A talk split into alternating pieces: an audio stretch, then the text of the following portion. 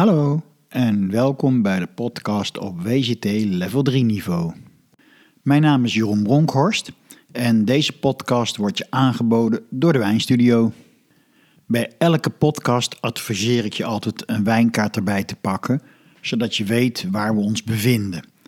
Deze keer telt het nog meer dan anders, want in Italië zijn veel wijnregio's, druiven en wijnen en we behandelen dat in één keer. Als je er geen kaart bij kunt houden, bestudeer dan van tevoren een kaart of de wijnkaart van Italië en let op hoe Italië ingedeeld is in 20 districten. Hoe is deze podcast opgebouwd? Eerst bespreken we Italië in het algemeen, de geografie, de indeling in districten en hun zelfvoorzienendheid, de wijnproductie en de etiketten. Dan trekken we de districten in van noord naar zuid.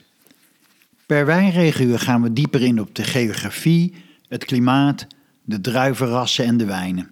En hier en daar vertel ik je wat eigenaardigheden van de streek. Als je Italië wilt eh, uittekenen, stel je dan een laars voor met een hoge hak en bovenaan een bontkraag. In het noorden is Italië afgeschermd door de Alpen. Het noordelijk klimaat is door de Alpen koel continentaal. In het zuiden is er een warm mediterraan klimaat. De Apennijnen die van noord naar zuid lopen, delen Italië in tweeën. Rondom is overal zee.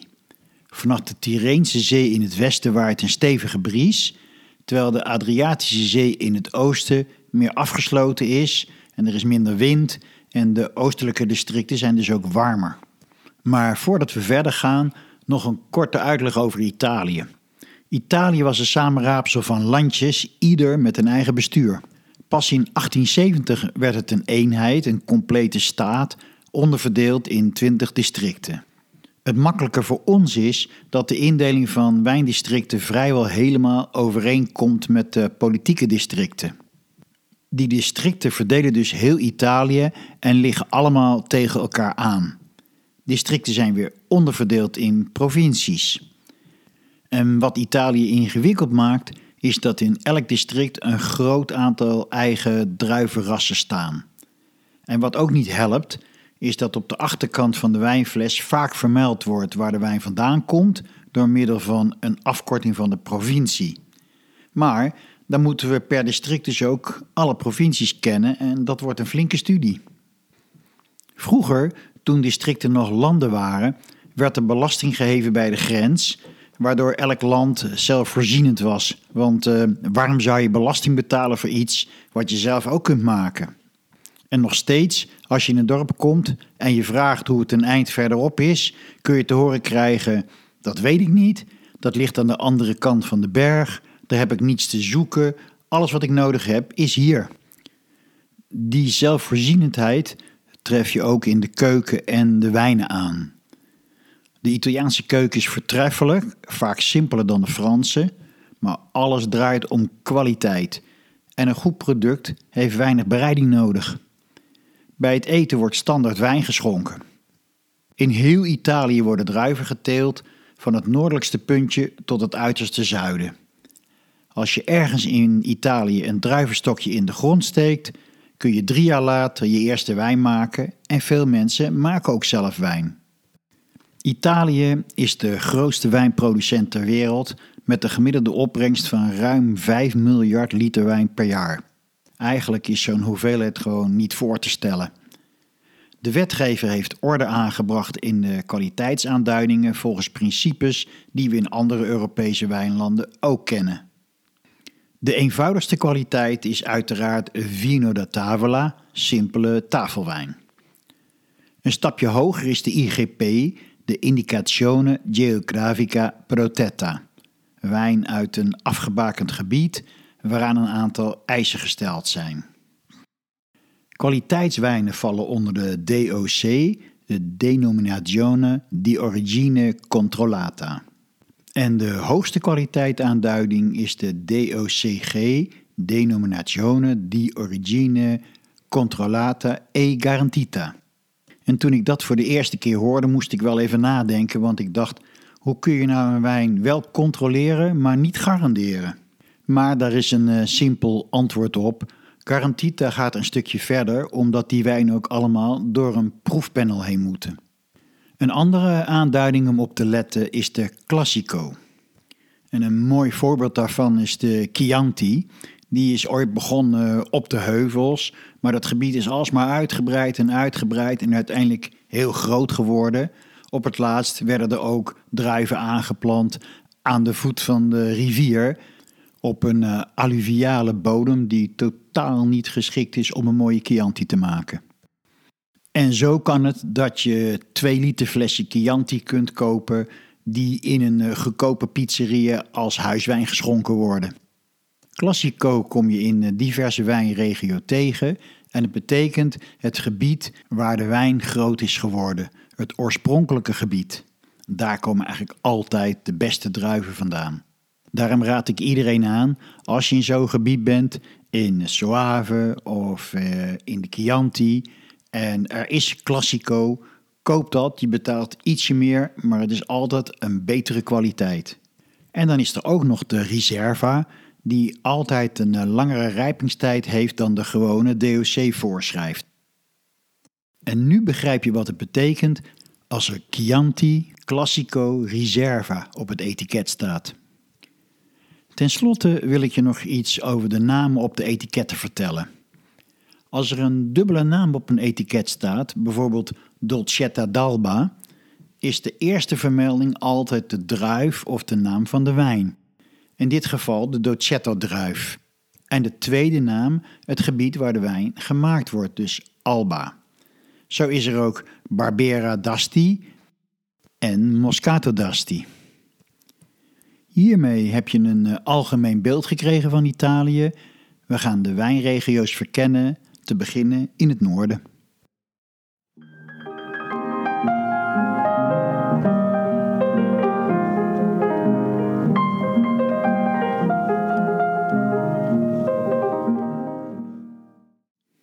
De Alpen in het noorden zorgen voor koelte en droge zomers.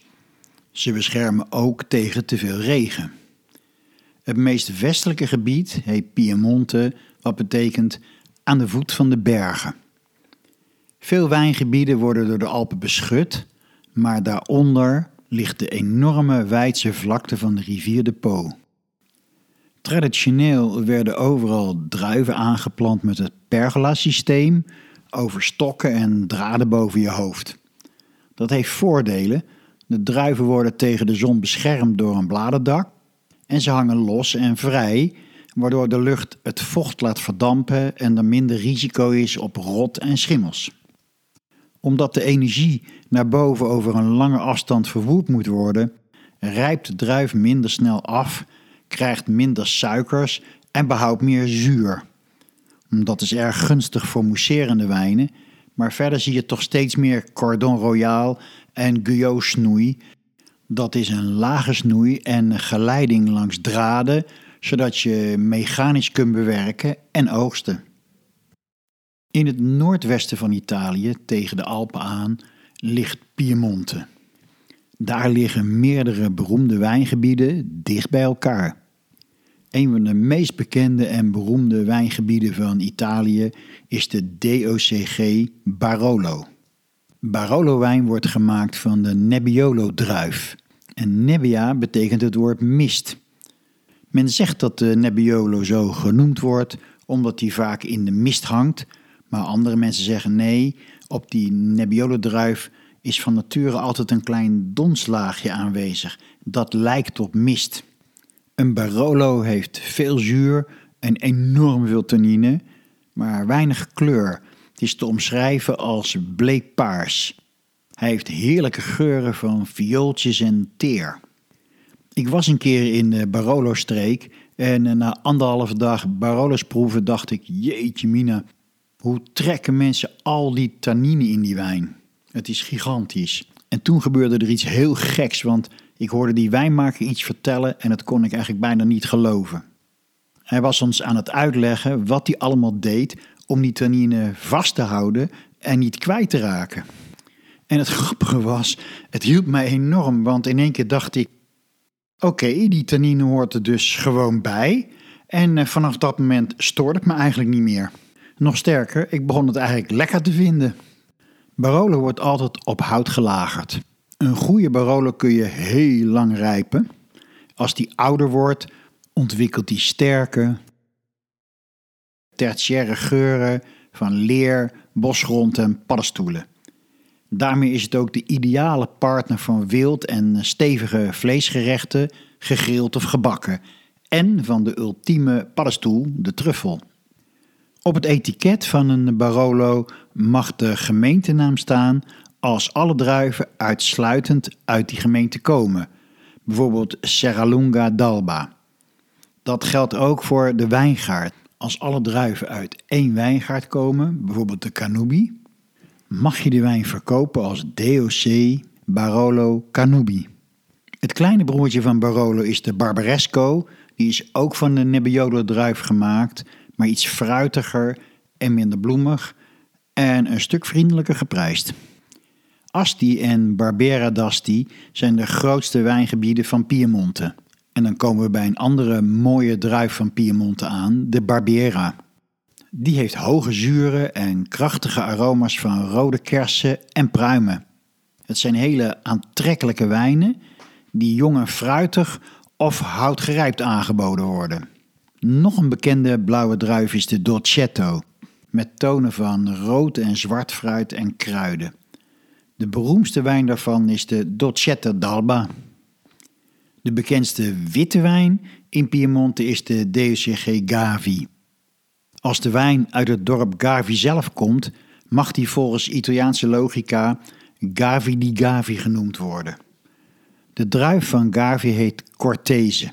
Die heeft weinig kleur en een lichte body, hoge frisse zuren en groen fruittonen. De meeste wijnen zijn bedoeld om jong te drinken en soms vraag je je af waarom dit als DOCG bestempeld is. Maar dan proef je weer een houtgerijpte, uitstekend gebalanceerde rijpe Gavi en dan weet je waarom. De strook aan zee onder Piemonte heet Liguria, rond de historische havenstad Genua. Die herbergt wel meer dan 100 vooral witte druivenrassen, maar heeft geen topwijnen. Dan eh, reizen we verder eh, naar het oosten door Lombardia, langs Milaan, richting Trentino Alte Adige in de Lage Alpen. Deze regio wordt ook Südtirol genoemd, want het behoorde vroeger tot Oostenrijk en nog steeds is 40% van de bevolking Duitsstalig. Veel wijnen uit deze regio zijn fris en zuiver. Je proeft dat ze uit een koel berggebied komen. Een hele spannende blauwe druif is de Lagrijn, die frivole, lichte wijnen, maar ook volle wijnen oplevert. De Terro Deco druif geeft wijnen met veel kleur en kracht die goed kunnen rijpen. En dan is er nog de Schiava, rode wijnen met frisse bosfruitsmaken. Verder naar het oosten, tegen de Sloveense grens, ligt het district Friuli Venetia Giulia. Hier komt de beste fruitige Pinot Grigio vandaan. En er staan nog vele andere druivensoorten, zoals de witte Friulano en de blauwe Merlot. Aan zee, rond de stad Venetië, ligt het district Veneto. Veneto is samen met Puglia het grootste wijnproductiegebied van Italië. Je vindt hier enorme plassen wijn. In grote fabrieken worden miljoenen liters wijn van slechts enkele druivenrassen geproduceerd, maar gek genoeg worden van diezelfde druivenrassen door vakmensen ook topkwaliteitswijnen gemaakt. We kennen natuurlijk allemaal de massawijnen van eh, Pinot Grigio en Trebbiano, die in Frankrijk Unie Blanc genoemd wordt. Simpele wijnen. En dit is ook het gebied van de Soave, die is gemaakt van de Garganeka-druif. Soave heb je van eenvoudig tot een heerlijke DOC Soave Classico. Rode massawijnen worden hier ook gemaakt, zoals de Bardolino en de Valpolicella. Ze worden beide gemaakt van drie druiven, waarvan de belangrijkste Corvina is. Het zijn hele prettige, super fruitige, makkelijke wijnen die veel mensen lekker vinden. Valpolicella is er ook in Classico. En dan zijn er een paar technieken die ik heel graag met je wil bespreken, omdat ze typisch voor de streek zijn. De eerste is de Passito-methode. Je gaat uh, druiven plukken die nog net niet helemaal rijp zijn om de zuren te behouden. Die worden gedroogd in uh, platte kratjes in schuren. En wat krijg je dan? Een fantastische Amarone. Je kunt hier dus een lekkere, makkelijke, fruitige Valpolicella maken van 6 eh, euro. Maar je kunt van dezelfde druiven ook een Amarone maken van 60 euro. Overigens is dat drogen enorm veel werk. Die druiven die daar in die kratjes liggen moeten constant gekeerd worden. Je loopt een enorm risico op rot. Als je dat uh, drogen nog een paar weken langer volhoudt, krijg je dus heel sterk ingedroogde druiven met een enorm uh, suikergehalte. Als je daar wijn van maakt, blijft er altijd restzoet over. En dat wordt dan een recioto, een zoete wijn. Je kunt recioto della Valpolicella maken, maar je kunt ook recioto soave maken. En dat is dan een zoete witte wijn. En nog een bijzondere techniek die toegepast wordt is de ripasso-methode. En dat betekent dat je de pulp van Amarone wijn toevoegt aan de Valpolicella die al uitvergist is. Door die pulp gaat de wijn opnieuw vergisten en krijg je extra veel smaak en extra veel kleur. Eigenlijk is het gewoon een hele mooie manier om de Valpolicella te upgraden. Iets van het karakter mee te geven van een Amarone.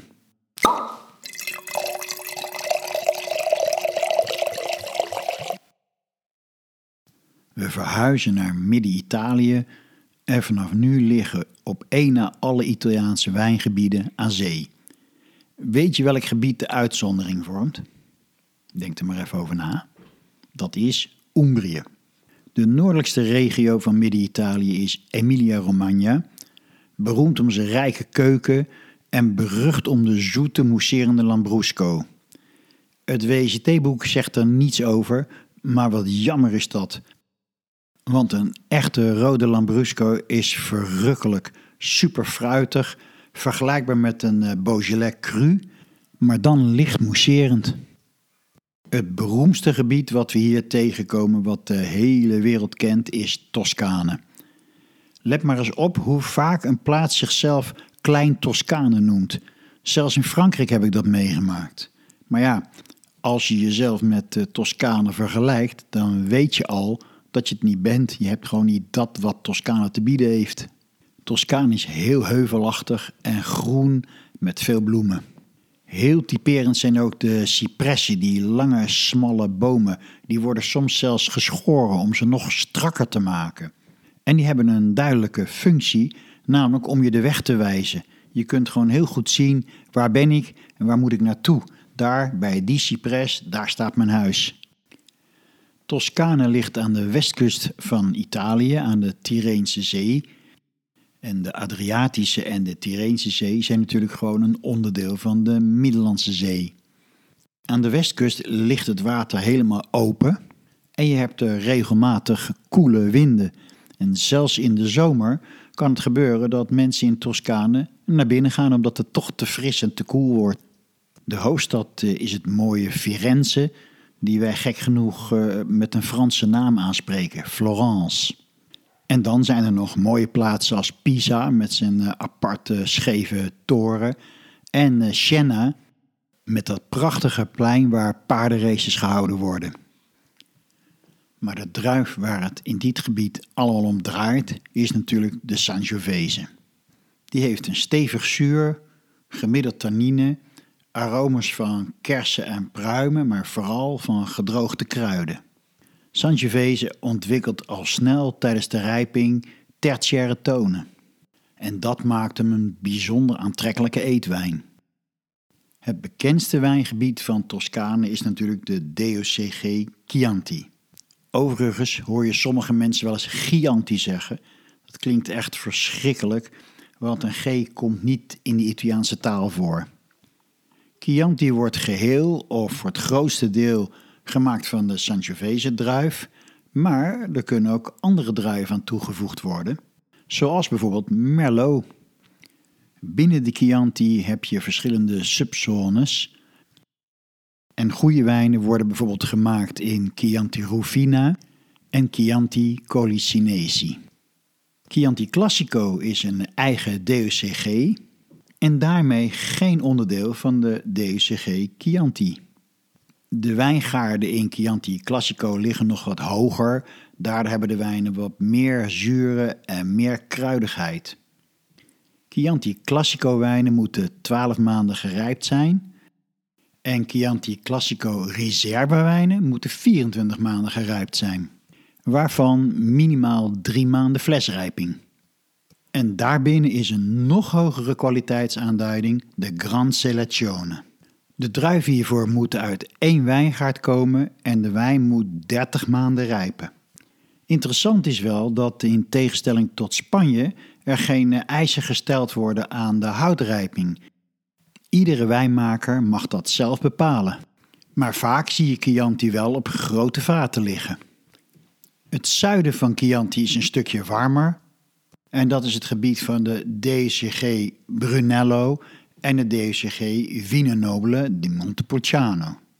Brunello wordt gezien als een eigen druivenras, maar in feite is het gewoon een kloon van de Sangiovese. Zoals je merkt kom je hier ook weer die grappige Italiaanse benamingen tegen. Want Vino Nobile di Montepulciano is dus niet van de Montepulciano druif gemaakt. Nee, het is eerst de naam, dat is Vino Nobile. Die is dan toevallig gemaakt van de Sangiovese. En de wijn wordt gemaakt in de plaats Montepulciano. Het gaat hier dus niet meer om een druif, maar om een plaats. Misschien weet je het nog. Eerst de naam en dan de plaats. Zo werkt het met een Italiaans etiket. Brunello is 100% van de Sangiovese druif gemaakt en moet eh, minimaal 5 jaar rijpen, waarvan 2 jaar op eikenhout. Dus je kunt wel stellen dat het een nog hogere kwaliteit is dan Chianti. Producenten van Vino Nobile di Montepulciano en Brunello mogen wijnen declasseren naar een lagere DOC. En dat doen ze bijvoorbeeld als hun wijnstokken nog heel jong zijn of als het gewoon simpelweg een slecht jaar was. En die wijnen worden dan ondergebracht in de DOC Rosso di Montalcino of DOC Rosso di Montepulciano. Aan de kust van Toscane gebeurde iets heel bijzonders. En het begon allemaal met Sassicaia. De wijnmaker daarvan, een man van adellijke afkomst, plantte voor het eerst Franse druiven, met name Bordeaux-druiven. Het begon met Cabernet Sauvignon. Die werd geblend met de traditionele Sangiovese. Dat werden de eerste Super Toscans, wijnen met veel kracht en veel fruit. Daarna begon zijn neef Antinori, ook een markies, dezelfde truc uit te halen. Hij bracht de Tignanello uit.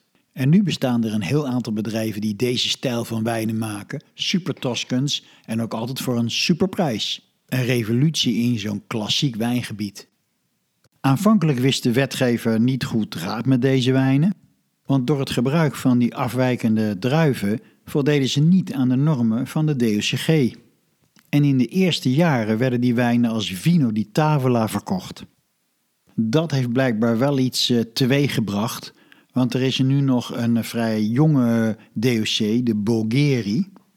En de wijnen erin mogen gemaakt zijn van 100% niet-Italiaanse druiven, zoals Merlot, Syrah en Cabernet Franc. We gaan Toscane verlaten en we komen uit bij Umbrië, het enige wijngebied van Midden- en Zuid-Italië wat niet aan zee ligt. Er komt een bekende witte wijn vandaan en dat is de Orvieto, gemaakt van een blend van Gricetto en Trebbiano. Zuidelijker daarvan ligt Lazio rond de hoofdstad Rome.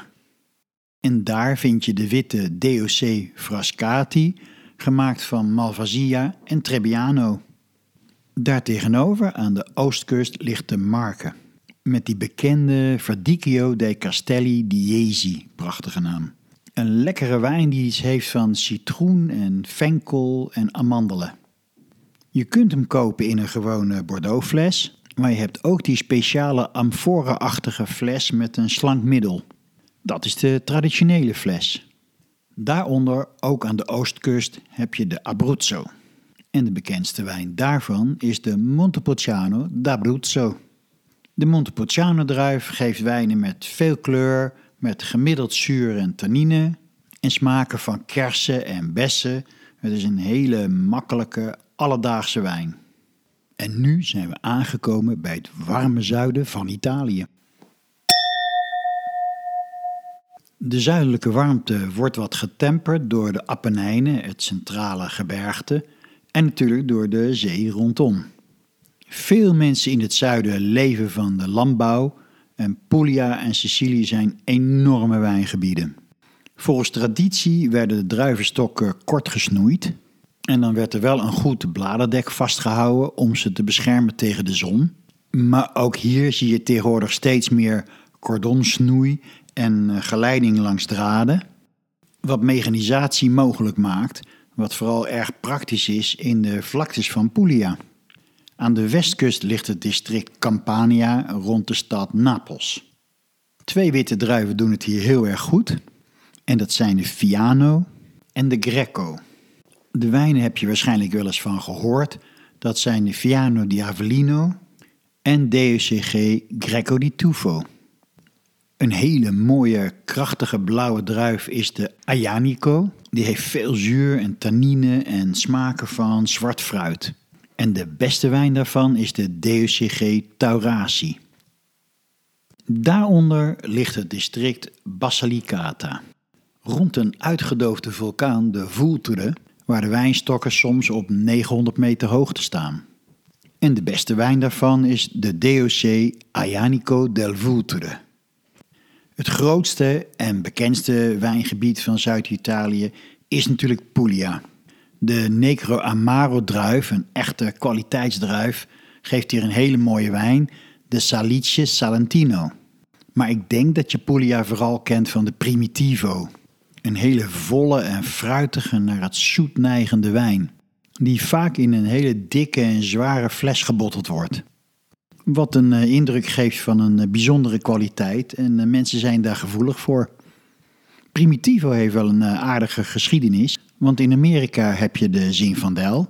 En op een gegeven moment zeiden de Italianen, ja maar wacht eens even, dat is helemaal geen Zinfandel, dat is onze Primitivo. Maar toen werden ook de Kroaten wakker en die zeiden nee hoor, dat is onze Plavats Mali. Uiteraard waren de Amerikanen, de Italianen en de Kroaten allemaal erg trots op hun eigen druif. Dus dit probleem moest uh, opgelost worden. En daar is eigenlijk maar één antwoord op, en dat is DNA-onderzoek. En het lijkt haast wel alsof er een hele gewiekste politicus aan het werk was, want het resultaat van het DNA-onderzoek was: Plavats Mali en Primitivo en Zinfandel hebben allemaal dezelfde ouders. En zo kreeg iedereen eigenlijk zijn zin. Wat sommige Italianen wel doen, is een Primitivo als eh, Zinfandel verkopen, omdat ze gemerkt hebben dat dat meer geld oplevert. En nu gaan we door naar het allerdiepste zuiden, naar het scheereiland Sicilië. Een prachtig eiland waar je rechtstreeks naartoe kan vliegen. De belangrijkste blauwe druif daar is de Nero d'Avola, die fantastische wijnen voort kan brengen. Met veel smaak, soms iets vleesachtigs en veel concentratie. Er staan op Sicilië trouwens ook uh, internationale druiven zoals Chardonnay en Syrah. Wat ik zelf erg lekker vind zijn de witte wijnen van de Insolia-druif. Ook zo'n typische druif van Sicilië. De gewone druiven worden verkocht als een IGP Terra Sicilia of een DOC Sicilia. Spectaculair in Sicilië is natuurlijk de Etna-vulkaan, die elk jaar uitbarst. En in sommige jaren heel heftig. En enorme zwarte vlaktes voortbrengt. Je kunt daar prachtige wandelingen maken. We liepen zo over zo'n vlakte met een gids. En die vertelde ons dat onder onze voeten een hotel lag. Dat was gewoon bedolven door de lava van de vorige uitbarsting. Die hele wandeling was trouwens niet zo onschuldig als we dachten. Want als je een klein stukje in de grond ging graven, merkte je dat het al bloedheet werd. Er is ook een DUC Etna. Daar worden witte en rode wijnen gemaakt. Van oude wijnstokken en wit en rood zijn van zeer hoge kwaliteit. En als een extra zou ik je nog wat mee willen geven. Als je toch bent, pak nog eens de boot en vaar naar het eiland Ripari. Daar worden zoete wijnen gemaakt van de Malvasia-druif. Of breng je vakanties door op Sardinië. Daar wordt een wijn gemaakt van de Canonau-druif, wat in feite gewoon de Grenache Noir is.